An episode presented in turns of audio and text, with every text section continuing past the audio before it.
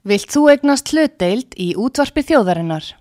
Sendu tölvupóst á hlutabref at útvarpsaga.is eða ringdu í síma 533 3943. Útvarpsaga stendur vörð um tjáningafrelsið.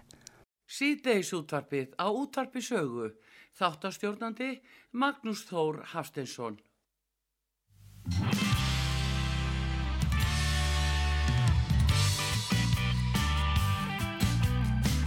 Hafstensson.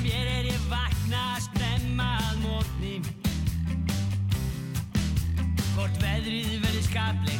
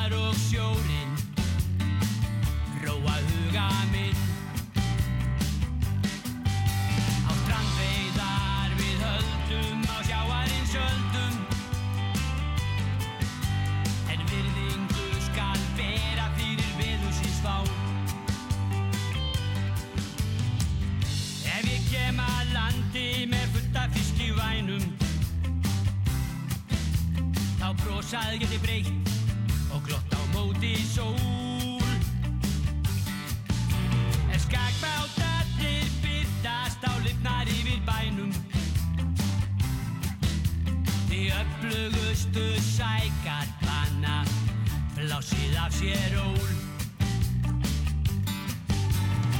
Því skal ég gleyma að kveldi daginn lofa. Ef gengið hefur vel ná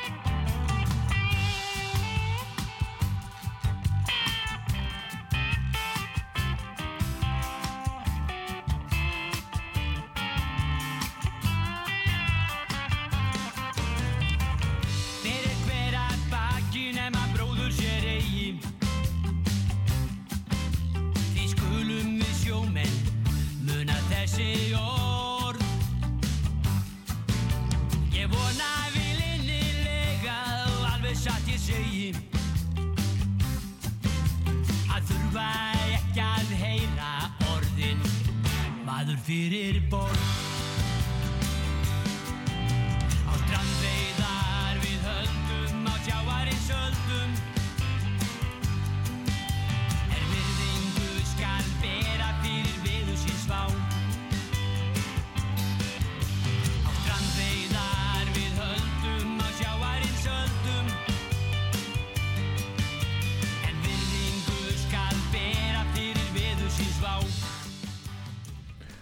Komið sæl ágætu hlustendur útvarsögu, ég heiti Magnús Þór Haftinsson og við hefjum hér síðdeis útvarpið.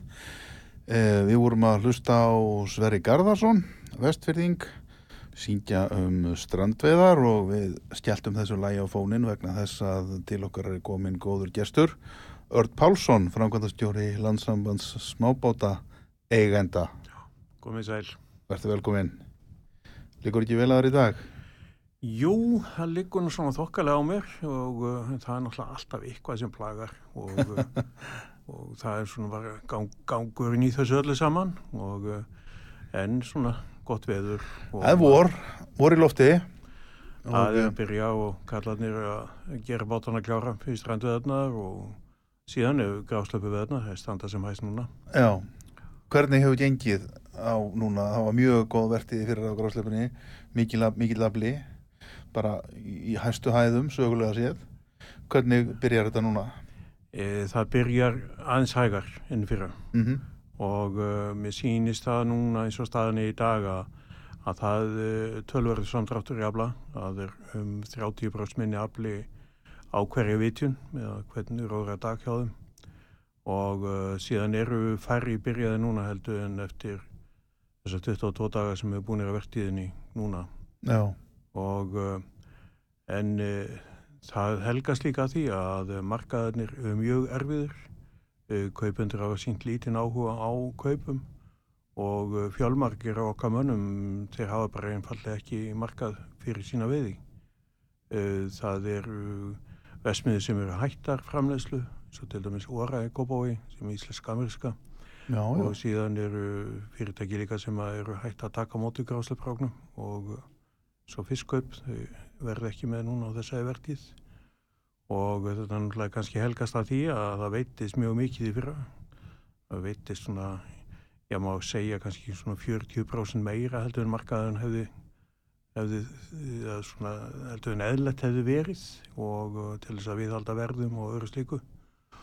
Og uh, við erum því að uh, fara núni inn í annað árið þar sem að verðið er mjög lágt og uh, við uh, reiknuðum nú með því að það myndi nú hækka eitthvað en það er allavega ekki ennþá að neinu, neinu marki en það sem er nú uh, jákvægt í þessum málum líka að það er að það er opnaðast ágætu markaði við fersk grásleiprókn og markaðsverði núna á, frá upphæði verktíðana 20. mars að það er yfir 200 krónur fyrir óskoðna gráslöpu en uh, var á þessum tími fyrir að tölvöld læra og, uh, og það er líka selst mun meira magn, við höfum konið um 160 tonn núna á markaðunum.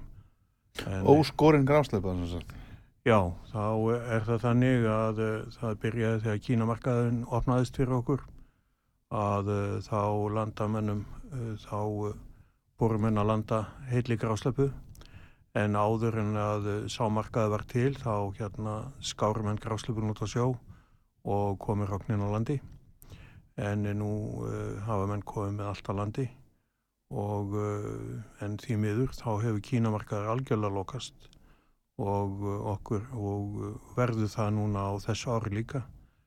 Á árinu 2000 þá var flutt út tölvögt mikið til Kína en uh, þeir gáma hafa alltaf verið opnaðir þeir eru ennþá í fristikemslun Árið Og- 2000, já. 2020. nei, 2020, 2020, 2020 já. virkjum Og þú ert að tala um, þannig erum við að tala um þessi kínjamarkaðar, það er markaðar fyrir sjálfan fiskin. Já, það er hrognið. fyrir sjálfum fiskin og þetta var príðilegu markaður og tók við öllu sem vorum að veiða Já, og uh, hún var seld sem sagt frosin til Kína en svo þegar COVID kom og uh, blósaði svo upp þannig uh, upp úr áramótunum að uh, þá reyndum við svona dalti blind í sjóin en, uh, en það var selt samt sem áður og menn byggust við því að uh, markaður nyrði myndi opna en því miður þá hefur það ekki gerst og uh, útlutningu núna 2021 var ekki nema svipið og sjón og uh, síðan er það bara alveg lokað núna í ár.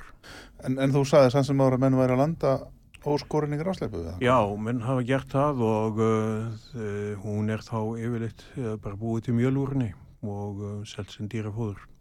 En hróknin eru tekin En náttúrulega. hróknu tekið náttúrulega sjálfsögðu og Eru menn að taka því gráðsleipu í mjölframneslu núna?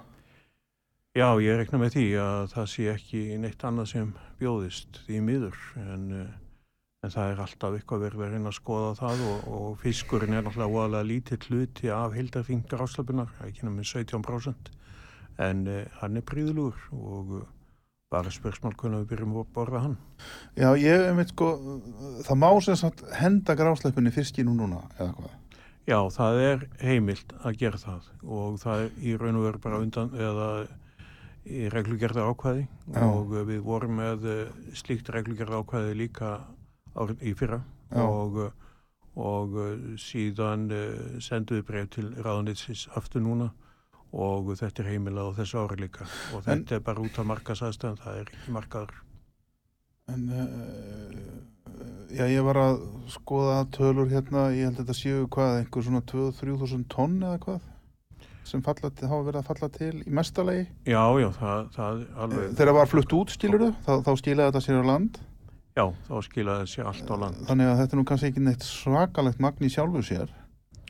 Uh, en, en sko, ég velti því fyrir mér, nú er Artur Bóðarsson formaður þinna samtaka hér í Vitali hjá mér fyrir nokkrum vikum síðan og þá sagði hann það að, að gráslepa væri bara úrvalsmatur Já, já, það er alveg rétt. bara fersk gráslepa Hún er það og uh, við vorum um að rifja það upp núna bara skrifstofunni. Ég held að þetta hefði nú kannski verið um, um aldamótin sem við emdum til svo kallega grásleppu viku. Já, en það var 1993 og uh, þá voru fengnir kokkar hinn í bænum til þess að búa til uppskriftir. Já, og við vorum í svona viku og þetta var ágætt en því miður þá var þessi vika og svona bræluvika þannig að við áttum erfileikum með að útvega gráslöfuna já en, en ég En, velti eh, fyrir mér já, en nú er verið- verið dustað ríkið af þessu aftur og Artur er mitt að undirbúa það núna.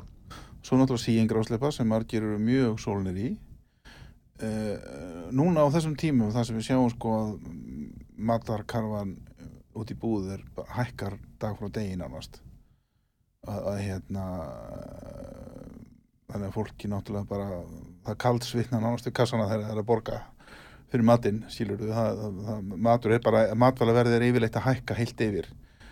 Og, og jafnvel við horfum fram á sko skort á matvælum í heiminum eftir einhverja mánuðu ef framferð sem horfir, það er talað um það bara mjög opinskátt núna í erlendum fjölmjölum þó að svo umræða kannski ekki verið mjög ábyrjandi hér á landi enn sem komið er.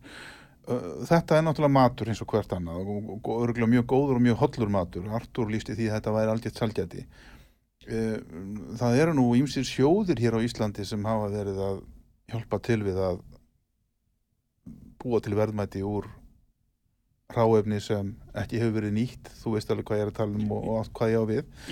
Akkur hafa menn ekki fyrir löngu einmitt sko unnið að þessu og búa til eða reyna að afla markaða fyrir grásleipuna bæði hér innanlands en líka hugsanlega erlendis Já, það má segja það sko að uh, við vorum náttúrulega í þessu í mörg ára að reyna að ná mörgum elends og uh, það var alltaf svona smá vísir að því og smá aukning og þá vorum við einblýna engungu á flökin Já, og uh, það, þau fóru bæði til bandaríkjana, var hægt að flytja þangað og síðan opnaðist markaður í Malasíu en því miður þá urðu þeir ekki, eh, svona verði ekkert framhald á því. En uh, síðan þessi markaður í Kína, hann kemur til út af síningu sem að fyrirtæki Triton fór á í Kóru og uh, þar voru kínveri sem að hafðu mikinn áhuga á gráslöfunni og og uh, það sem að þeir fundu nú hvað uh, skemmtilega stuðin og það sem seldi gráslöpuna það var það að það var engin, það er engin fiskur sem er henni líkur nei, og uh, þeir, uh, þessi, þetta fyrirtæki hafði strax áhuga á þessu. Og uh, það uh, opnaðist þarna markaði sem að tók bara við allir gráslöpunni og uh, þetta er þannig náttúrulega hjá okkur, þetta er ekki mikið magn. Og þess vegna hafa kannski engin stór fyrirtæki mikið áhuga á þessu. En uh, þarna bara e, þetta eina fyrirtæki. Og síðan hefur náttúrulega þessi markaðu vaksið alveg upp á og, og grænlendingandi til dæmis, þeir voru svona aðeins byrjaðir að þefa þessu að flytja hann líka frosna til Kína. Mm og uh, það hefði, ef að COVID hefði ekki komið til, þá held ég að uh, það hefði tekist að stækka hana markað ennþá meira og uh, fá ágætt sverð og verðin sem voru þarna í gangi þau voru myndið 2 dólar uh, bandrækki dólar en, uh, en síðan fjall það niður og í, á síðasta ári þá var flutt uh, lítið magn en uh, það fjagst ekki um 70 cent fyrir það og það var bara tap á því algjörlega Þannig að við erum, uh, þessi markaður er sem sagt hann liggur niður í núna og en vonum, vonum til þess að þegar farsóttinni líkur þá hérna takir þeir aftur við sér. Var ekki reynandi að hefja einhverja herrferð hér á Íslandi? Jú, svo er það náttúrulega líka að það uh, Bjóða fólki frá ódýrun og góðan fisk? Jú, jú, það er í undirbúninga um, umsókn hjá okkur í sjóði til þess að uh, fara inn á þessa breytir og uh, vonandi að það takist. Nú það er ekkit margir áratvíð síðan að var bara að tala við aðila á, á hérna Ólasveri núna fyrir viku síðan. Þá var grásleipan, hún var sölduð og, og látin í tunnur og flutt sér á land og, og þar var Kaufila Árnesinga sem að tók við grásleipunni og ég var svo heppin að ég hitti einn ein félagi minn sem var í sveit hana og hólst upp á Suðurlandinu að hann mann alveg þá tíð þegar vörubílinn kom með grásleiputunnar og þetta var bara, þetta var herra mann smattur Já, og hann já. sagðist bara að fá vatn í munnin þegar hann hyrði grásleipun enda. Já, og síðan meina síðan grásleipa með kartöflum er alveg bara sælkjara matur. Já, jú, svo Ha. stóri lifurinn í henni líka og hún Lifrin, er bara já. svip og þosklifurinn. Já. Þannig að þetta eru möguleikar þarna. Ég, ég, ég bara trú ekki öðrun en að þetta sé bara ónýtt, vannýtt öðlind. Að, að það hljóta að hægt að gera þessu verðmæti. Ég bara trú ekki öðru. Já, En ég held að það sé þetta alveg, er- alveg, alveg hjá Það er náttúrulega sko, þetta er náttúrulega sko ekkit, ekkit sérstaklega sko að að það sé verið að henda þessum fiski. Það er náttúrulega, það, það er, og er, er ekki gott sko. Nei, Það allir getur verið sammála um það. algjörlega, algjörlega og uh, það er því miður að þetta er bara svo misjafn aðstæðu sem menn hafa þegar þetta kom upp að uh, það varð ekki markaði fyrir það og uh, þá fóru menn að hugsa um það, jú, ég verð að koma með þetta landi og hvað ég að gera. Það er enginn sem vil kaupa þetta. Uh, þarf ég að fara með þetta einhverstað upp í malarnum og urða þetta eða eitthvað svoleiðis. Já, við verðum bara að segja við hlustendur hér og nú sem eru að hlusta á okkur að bara skora á þá og prófiði nú að fáið eitthvað grásleipi í sumar að verði vonandi eitthvað á bóðstólum í fiskbúðunum og hérna, þetta ætti náttúrulega að vera hægt að líka að kaupa þetta bara nefn að bryggja beint á sjómunum en, en það er kannski ekki leifilegt Mér finnst það nú alltaf alveg fáralegt hér á Íslandi að það er mikið farin að bryggja og kaupa fisk beint á sjómunum Já, þetta er nú eitt af þessum, uh, þessum þáttum sem við höfum oft verið að hugsa um. kaupa trilluköllum og að sé ekki jafnvel söluborð á bryggjónum eins og maður sér víða erlendis þar sem menn koma að landi með afla og eru síðan bara með söluborð og selja og, og he- þannig getur fólk farið og fengið bara ný dregin fisk eða annars sjáarfang og, og hérna og keift og farið með heim og elda já, svona beint, úr bát. beint úr bát, já, þe- þetta er mjög víða erlendis og þetta skapar mjög skemmtilega stemming á bryggjónum líf og, og fyrir okkur þessa ferðamanna þjóða við þurfum náttúrulega að geta sínt túristunum eitthvað og ég segi alltaf íslensku sjávarútvögur fær ekki betri auglýsingu heldur en það þegar túristarnir faranir á bryggju og er að taka myndir af ferskum íslenskum fiski sem verið er að landa deila þessu á samfélagsmiðlum út um allt þetta er besta auglýsing sem við fáum Já, já, og það er allir túristar sem að vilja myndir þorp. köllunum og bátunum og þetta á bryggjónum og þetta þetta er bara Ísland Algjörlega, algjörlega. Það gerist bara ekki íslenskar. Nei. Og uh, þannig að uh, þetta er, það var aðeins, aðeins vísir á þessu út á landi. Ég veit til dæmis eins og tálknafyrði að það var komin upp kassi sem að menn Já, gátu- ég hef verslaði í honum Já, það er veist á kassanum. stórstöð Já, já, mjög flott. þú sko. getur bara farið í kassan og bara fengið þér fisk, fiskibólur og Já. hvað eina og svo bara skilur eftir Já, pening já, svo er bara pósin við hliðina. þetta er eins og tómatarnir, tómatarnir upp í borgarfriðu Já, við gerum á kleppasreikjum líka Já, já. og þetta þeir- er, þetta er bara, og mér sýst að fólk sé bara mjög heiðalegt það borga, það borga allir, það er, Já. að, er er er að hverfa nýtt ég, mér fannst þetta alveg stór, stórfenglegt sko, ég, og bara mjög flottar vörur sem voru í þessum kassa á dálknafyrði Já, já. Svo var, ég vissi það á djúpavogi, þeir voru eitthvað að undirbúa svona og, og það getur vel við að það verði í sömar sem verður bóðið upp á fríkunni, sem er svona beint og bát. já, Þannig að þá, og, og það er nú stundum þetta- sko þegar túristatinn koma í bungum og rútónum og svona, Já. þá hefur farstjórnir þeir bara mest að vandræði með að geta smalaði minna aftur af því. Það er svo spennandi að sjá þegar menn er að landa og sjá allan fiskin. Akkur er ekki svona markaðar hérna í Reykjavík- hérna í Reykjavík til dæmis, Reykjavíkur höfn er á þarna, í, það sem gömlu verbúðunar voru að þar Akkur er ekki, akkur er ekki í lungu komið þar Já, við ætlum að vona það að það er einhver sem heyri í okkur núna sem að... Fiskmarkaðurinn í Bergen sem er náttúrulega á svo kvöldu fiskitorgi, hefur komið að sé það? Nei, ekki í Bergen. Nei, ekki ég það. bjó lengi í Bergen og hérna þekki það mjög vel Þar er svona fiskmarkaður, fiskitorg í miðborginni, niður við höfn og þetta er, þetta er sko þetta er rosalega mikið líf mikið verslað, fólk kemur og túristanir taka myndir og, og að fólk hópast þannig niður eftir þetta er búið að vera þarna áratugum saman þetta er bara mjög rík hefð, bara fiskitorgi þetta er sérstakt hugtak í borgarlífinu er ekki svona fiskitorg hér á Íslandi? Það er raun og verið alveg stórfurðulegt að svo sé ekki. Já, En þetta er nú kannski svona veður aðstöðu sem að skapar þetta líka. það. Það að og eitthvað aðstæður. yfir þetta eða eitthvað. En, en þetta er alveg möguleiki, það er ekki spurning. Ég finnst að þetta er hægt hjá þeim, þá hlýtur þetta að vera hægt hjá okkur.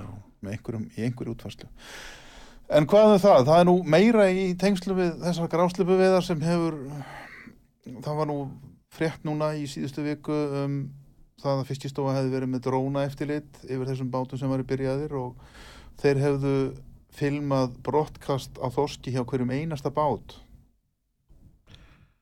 Já, þetta er vandamál og uh, þetta hefur náttúrulega alltaf fyllt gráslöpu veiðum að uh, það fæst toskur í, í upphafi með og uh, hérna áður fyrir þá náttúrulega komum menn bara með þetta landi og slíku og, og síðan hafa menn náttúrulega verið að uh, leia inn á sig heimildir eða skilja eftir á bátónum það mikið þosk að þau gætu mætt þessu Mm. en uh, núna í ár að uh, þá virðist þetta vera mjög erfitt og uh, bæði erfitt að fá kvótalegðan og síðan eru verðin þannig að þú tapar á þessu algjörlega en það er ekki svo að menn sín eitthvað að réttlæta brottkastið þetta á það ekki að eiga sér stað. En menn eru settir í mjög óþægilega stöðu. Það er engin spurning. Við vorum með aðila sem að hafði sambandið okkur núna í síðustu viku sá að búin að leia sér þosk á 350 krónur inn á bátinn og, og hann gerði ráð fyrir ákveðna magnið sem að kæmi bara við, við gráslöpu veðunar. En því miður þá var það fljótt að getast upp og uh, hann stendur í vandræðu núna og en uh, pluss það að hann náttúrulega fekk ekki vinna með um 150 krónum minnum fyrir þoskin sem hann legði á 350 Þannig að hann var að stórtapa á því að koma með því. land. en hann getur náttúrulega nýtt síðan að vaffi sablan og, og, og freista þess að hann geti fengið legðan uh, þoskota áður en að kvotárinu líkur en uh, þetta eru vandamál og, uh, og þegar uh, fer saman svona uh, mikil þoskveiði með gráslöpablan og þetta eiga mann alltaf að fagna að sé mikið að þoski í sjónum og allt svoleiðis. En uh, við höfum verið að hugsa þetta mál, hvernig væri hægt að, að bregðast við þessu.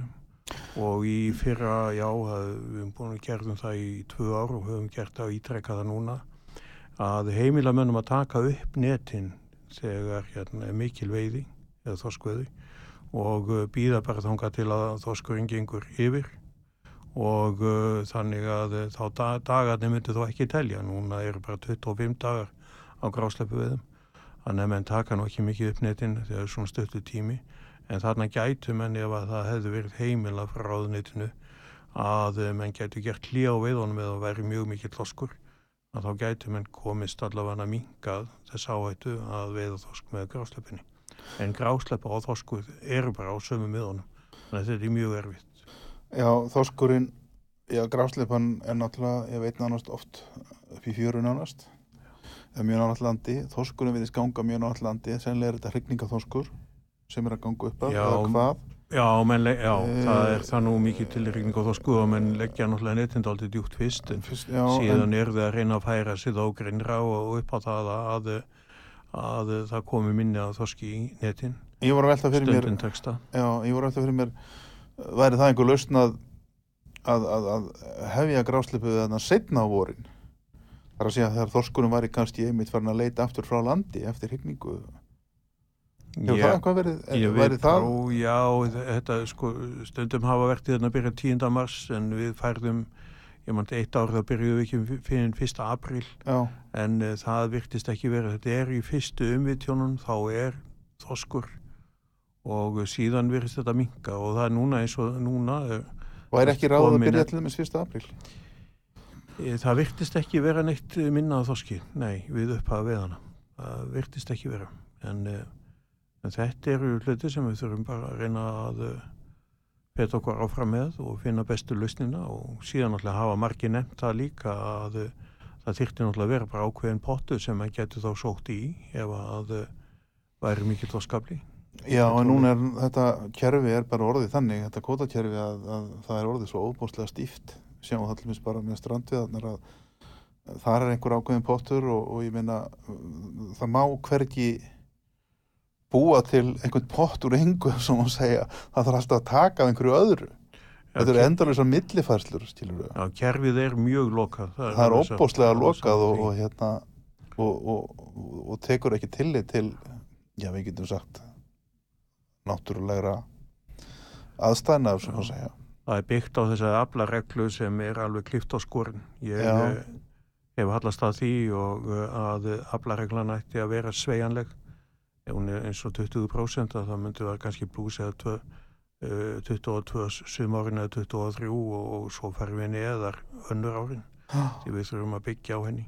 Og það myndi alveg standast allar, allar hérna, alþjóðlega reglur að hafa hana þannig. Já, og ég held að þetta sé það sem við eigum að eh, skoða og skoða þá sveigjanleikan með tillit til þess að hvernig, hvernig fiskirýð er. já, Eh, Ég meina eins og í dag að þá hugsa menn það allir að þeir ætla að hafa eina sterkan þorstofn í- áfram og, eh, og láta nýða sín að geta lifað á þorskuðum og öru slíku, það er engi spurning.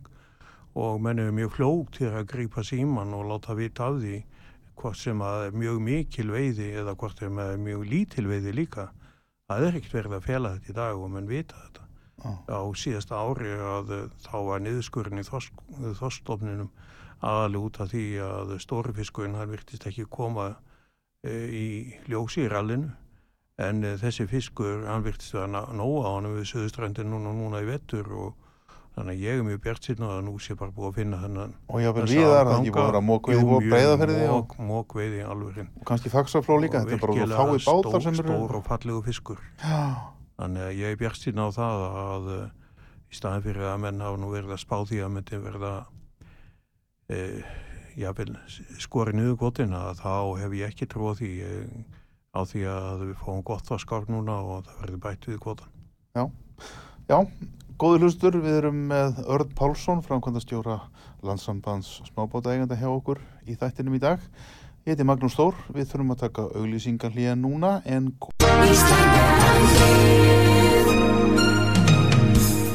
Styrtareikningur útvarpsögu í Íslandsbanka á Granda. Útubú 513, höfubók 26, reikningur 2.11.11. Nánari upplýsingar á útvarpsaga.is. Takk fyrir stöðningin. komum aftur á eftir. Síðdeis útvarpið á útvarpi sögu. Þáttastjórnandi Magnús Þór Hafsteinsson.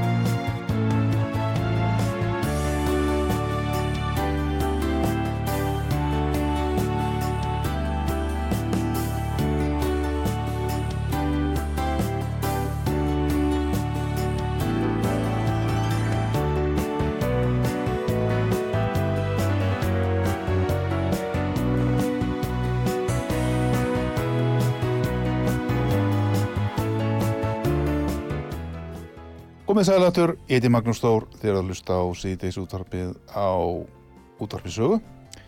Hjá okkur er Pálsson, uh, framkvæmdastjóri landsambands smábátaegenda og við höfum verið að ræða hér ímislegt varðandi veiðar smábáta. Það er náttúrulega að hefjast núna með orinu og, og grásleppuvertíðin komin á fulla ferð. Við töluðum um það hér fyrir hlýja. Við vorum svo síðast núna í lokinn farnir að ræða aðeins um þorstofnin og örð þú sagðir það að þú væri bjart síðan á það að það er því aukið við kvótan á næsta fiskviðári. Það er ekki niðurskurður. Nei, ég, já, ég uh, er bara nokkuð bjart síðan á það og Já. ég uh, byggi það aðlega á því að uh, veiðimunstrið núna í vettur það er í raun og veru ekki eins og átt að vera með að við uh, skýslur frá Hafranstofn í á síðast ári. það er áfram þessi stóri fiskur og uh, mjög vel haldinn. Nú uh, síðan munar náttúrulega um það að, að loðnustofnin, hann er mjög mikill og þannig að þorskurinn hefur haft nægt æti og, og almennt bara lífriki sjávar mjög gott. Þannig að ég er einn alveg sannfærður um það að uh, ég er allavega búin að tala með alveg fráatri svart sínu um, í sambandið þorstofnin og, og uh, þannig ég býst við því að verði aukin við kvotan og, og það kæmi sér svo sannarlega vel í hækkandi fiskverði að, að gera það. Síðan er þetta nú þannig að þó við byggjum á aflareglu og annað slikt að þá er þetta ekki þannig að það sé eitthvað voðin vís þó við förum eitthvað aðeins út af sporin í eitt ár. Uh, við getum það alveg og getum tekið þess aðeins meira ef á þarf að halda. En uh, þannig að ég held að, uh, en ég, ég er bara sannfærður um það að mælingarna út úr marsrælunu það koma vel út. Hefur þú heyrt eitthvað af því? Það er kannski farið með það eins og ríkisleyndamál. Já, það er algjörlega ekki, ég hef ekki heyrt orð. Nei, nei, En hvað ekkert heyrt frá út. þínum mönnum? Þú náðu góðu sambandi við sjómenn. Jú, það er bara mjög góð aflabröð og uh, alls þar og menn talaði mitt um þetta um stóran fisk og, og síðan hefur mann líka á handverðunum það er bara við gefust vel Mm. en línuveðna hafa gengið alveg bríðilega og uh, þannig að uh, ég ætla að vona að þetta gangi allt saman allt saman í rétta átt og uh, við bara getum aukið við kvotan. Þú talaðir hérna, þú myndist á fiskverð. Horfur varðandi fiskverð. Það er nú komið áður fram hér í þessum hjá mér að, að fiskverð væri að hækka uh, meðal hans vegna þessa hörmungar atburða í Evrópu. Ég meina að það er verið að loka rússa úti. Það er búið að loka þá frá bandarækjamarkaði með sjávarafurðir og Evrópusambandið ætlar heldur ekki að kaupa meiri fisk af rússum. Ekki rétt? Jú, Það þýðir að rússar detta út af þessum stóru kvítismörkuðum til dæmis í Breitlandi, Fraklandi, Þískalandi, víðar. Það verður alveg klárlega aukin eftirspurn eftir fiski núna á komandi mánuðum. Það Já. er engi spurning. Og með aukin eftirspurn á hækka verðið. Já, Og þráttur að krónan verða styrkjast núna undan verð. Stutt síðan var 150 með efruna, hún kom hvað nálat 140 núna. Að uh, þá uh, ég vissum það að sjóman eiga eftir að sjá herra fiskverð Mm. núna á komandi mánuðum eins og ég segi. já, og uh, þannig að ég er mjög bjart síðan á það að við náum þarna inn auknum tekjum og meiri er ekki hvað er þóskurinn að fara núna mörkuðum 300 og eitthvað, rúmlega 300 kall? Já, 300 já, þetta er alveg í 400 kall og svo náttúrulega eins og ef maður skoða den stóra fiskinu eins og í fyrra að þegar þetta fer að slaga upp í 600 og annað slíkt að og algeng verði fyrir á 500 þannig að ég á því að það verði ekki lagra verði í, í, í, ár. Það vísu gerði svona hægt og sígandi en, en Þetta var um verið alveg feikilega góð verð á mörguðunum og ef við skoðum til og með strandveðna þá er nánast allt selt. Allur strandveðaflinn seldur á fiskmarkuðum þannig að eh, ég ætla að vona það að það muni ganga mjög vel. Að, að það verði, það var nú talað um það að það hefði verið ágætis fiskverði fyrra sumar á strandviðunum, Já, já, að virkilega. það verði enn betra í sumar. Ég, ég geti trúaði að meðalverði færi yfir 400 í Já, en að spá í það. Já, að það getur orðið og uh, þannig að það er mjög mikilvægt að, uh, strandveðarnar, þetta gangi nú allt vel en, en eins og menn vita að uh, þá uh, fer það náttúrulega alltaf eftir svona veðri og, og, og náttúrulega fiskengdinni á grunslóðuna en, en við höfum kannski ekki ótast það. En, uh, en veðri getur oft leikið okkur illa yfir sumarið. En uh, eins og sást bara í fyrra að þegar menn voru nú svona já, komið fram með meðan júli að, að þá bjökusmenn var allavega við því að ná þeim tíðust tónn sem var til skiptana í stranduðunum en uh, síðan uh, lagaðist veðrið og, og, og í ágúst að bara einmenn að blíða upp hvern einasta dag Já. þá var fljótt að fiskast og, og náðum að fiska um 11.000 og 170 tónum á þoski og uh, það er vonandi að það verði heimilað í ár líka, ekki minni afli og við vonum svona hann og erum bara nokkuð bjart sínir á það að það verði auki við Eh, þetta kom nú eiginlega svona eins og reyðaslaga að, eh, að stranduði aflinn yrði skertur úr 10.000 í 8.500 tónn eh, vegna þess aðalega að í byrjun á 11. ágúst í, í fyrra að þá tóku ráðra, þá verðandi sjávarsráðra ákverðun um það að til stranduði færi 10.000 tónn á þoski oh. og það byggða náttúrulega á því að leifilegum heildarafla sem var búið að gefa út eh, frá Hafró að þetta er þá hlutur, hlutur stranduðana ah. og uh, menn gerði náttúrulega sín plön út frá þessu fyrir árið núna 2022 og uh, þess vegna kom það mjög og óvart þegar matvælar á þeirra ákvaða að skerða aflan og uh, bóðaði þá hvernig nýjar leikreglur.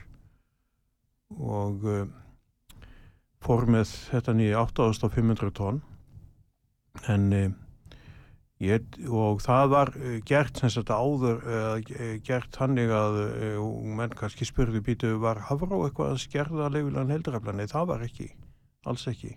Þá kom í ljós að svo kallar skiptumarkaða hann virkaði ekki sem skildi og uh, við bjökumst við því til dæmis að þessi góða lónuverti var leifilt að veiða 600 stóna lónu að uh, þá kemi það mikið inn á skiptimarkaðin og voru svona búin að búast við því að... Það er þetta að breyta lónu í þosk? Já, já, að við fengjum, fengjum sko svona 6-7 þúsund tonna á þoski út á lónuverktíðinni en uh, það var nú aldrei ekki og uh, fengum aðeins þúsund tonn. Og uh, þá á þetta að vera þannig að það er að strandveði kalla þau þurfa að býða eftir því hvað stórútgerðin gerir í sambandi við skiptimarkaðin þetta náttúrulega gengur þetta ekki svona. orðið, þetta, þetta er kerfið orðið flóknara heldur en, heldur en bankasalan. Já, já, já, miklu flóknara. Hvennulegt fólk skilur þetta ekki. Þetta en, er, en svona í stuttum máli sagt er búið að, er búið að bjarga þessu? Já, sko ég, er, þú segir að þessi minni líkur á því að það verði stjærðing að það verði áfram hvað ekkur tíðust og eitthvað tónið eitthvað já, það hefur náttúrulega potast alltaf aðeins inn á hann skiptumarkað og, og ég rekna hann með því að ráðhrann hann hérna hann uh, gefið út heimildi sem er ekki minni heldur en uh, var í upphafi fiskvið ásins, tíðust tónn mm.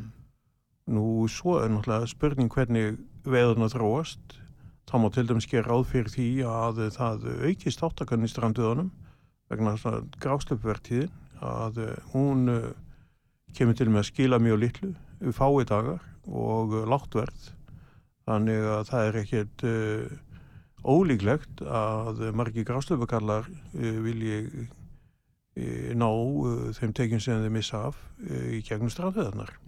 Þannig að það getur verið að bátum fjölgi og þeir voru 670 á síðast ári.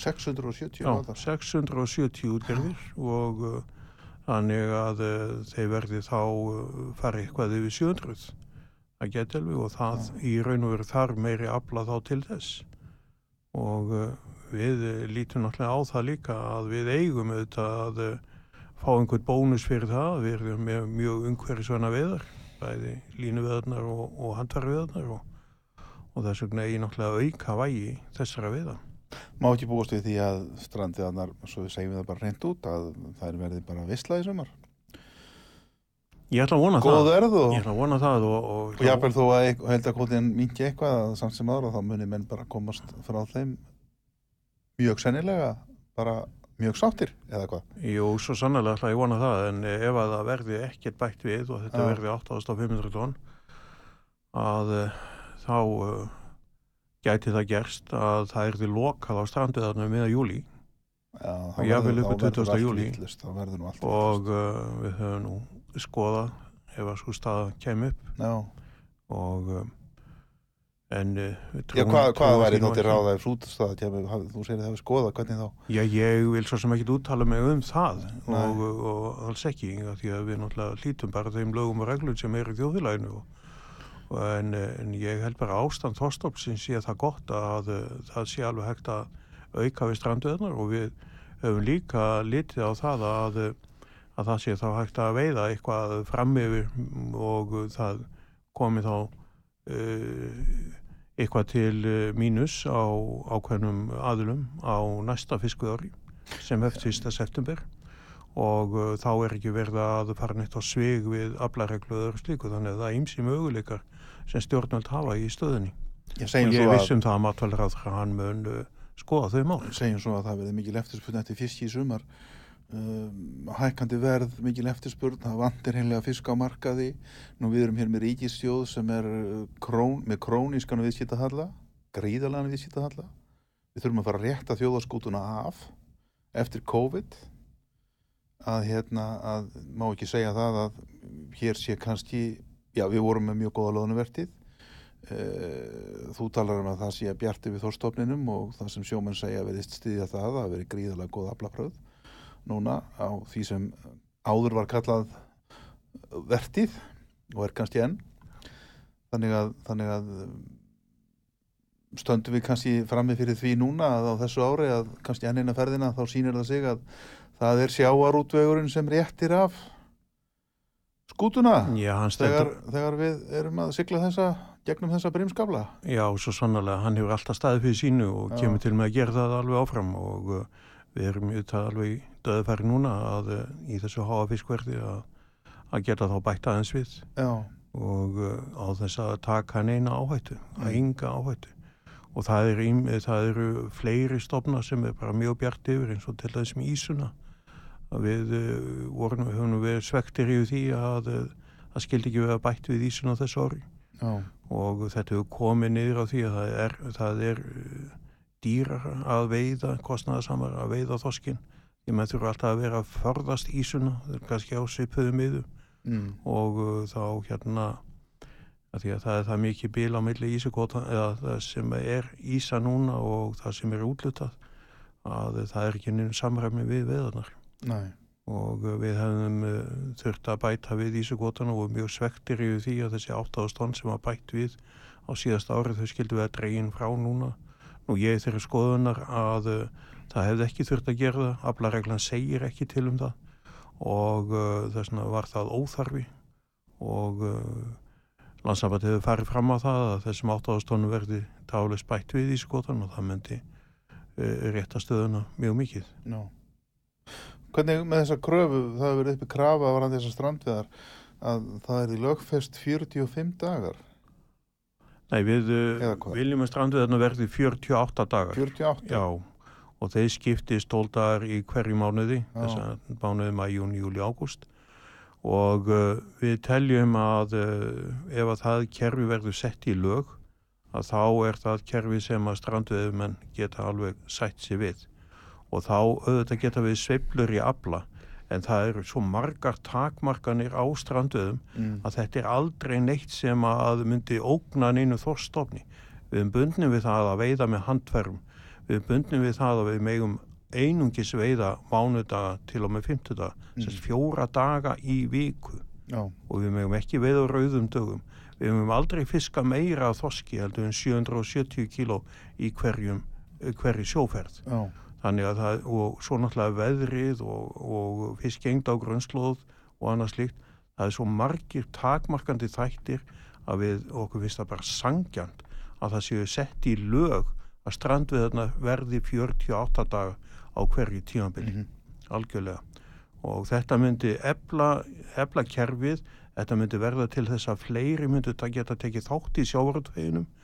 Við erum að sjá menn sem er, ungi menn sem er að kaupa sér báta, byrja kannski að leia sér báta og síðan að kaupa sér bát og gera það gott á strandviðanum síðan geta þeir náð kannski nokkru mánuðum með lág leigukvota og vonandi að þeim takist líka til að kaupa sér varna að þoskota nú svo er þessi aðla kannski á gráslöpu viðum líka og þannig verða þessi útgerðamenn uh, til líka. Já, og uh, þetta er algjörlega nöðsynlegt kerfi til þess að, að svara nýliðun og, uh, svara þessum kalli að menn vilja verða sjómenn. Nú síðan er það líka á stærri flótanum, þá hefur sjómenn farið fækkandi og þessi sjómenn vilja halda áfram að vera sjómenn og þá verður stranduðarnar líka uh, svona allavega þeir hefur þá möguleika að halda áfram og það er vonandi að uh, stjórnvöld takir bara þá ákvörðun að uh, setja strandviðarnar, lögfesta 48 daga til strandviðar.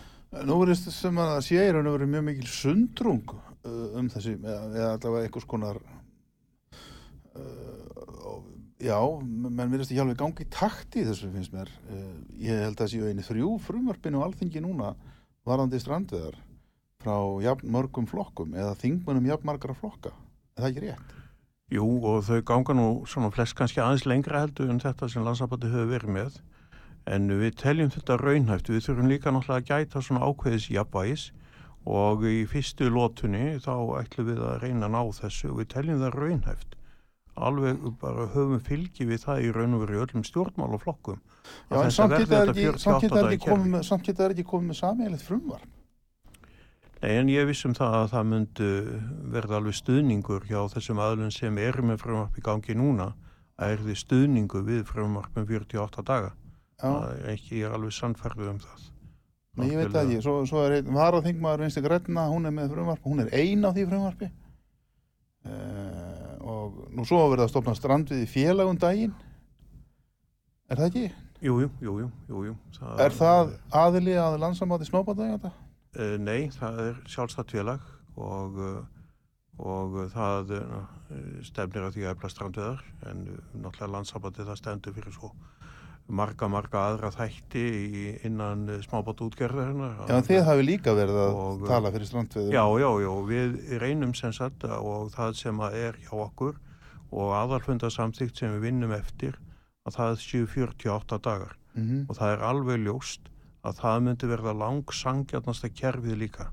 Þó að við séum svæðiskipt og annars líkt að mann get ekki menn þurfa að hafa heimilsvesti á ákveðna svæði til þess að fá að fiska þar. Mm -hmm. að þá er fiskengdinn þannig, hún er uh, meiri til dæmis á setni hluta tíðanabilsins á norður og austurlandi. En með því að hafa 12 daga þá trygga í júli 12 daga trygga í ágúst. Mm. Þá væru allir sáttir við þetta mm -hmm. að hafa stranduðan á þennan átt og þannig var upplægið þegar þessu var breytt mm að hætta að deila ákveðnum afla ákveðin svæði þannig var þetta sett upp að 48 dagar veri settir í lög mm. síðan bara á uh, loka eða þegar frumappi var í gegn að uh, þá var bætt inn þessari klásúlu um það að það erði heimilt að stöðva strandveðar ef að aflinn erði komin í eitthvað ákveði eitthvað ákveði hámark. Og uh, með því að taka það út og lögfesta 48 dagana þá væri allir sátti við stranduðarnar og það er líka eins og markaðurinn hefur sínt sig að geta gengið að 10-12.000 tónnum 10-12.000 tónnum af þoski á sumrin.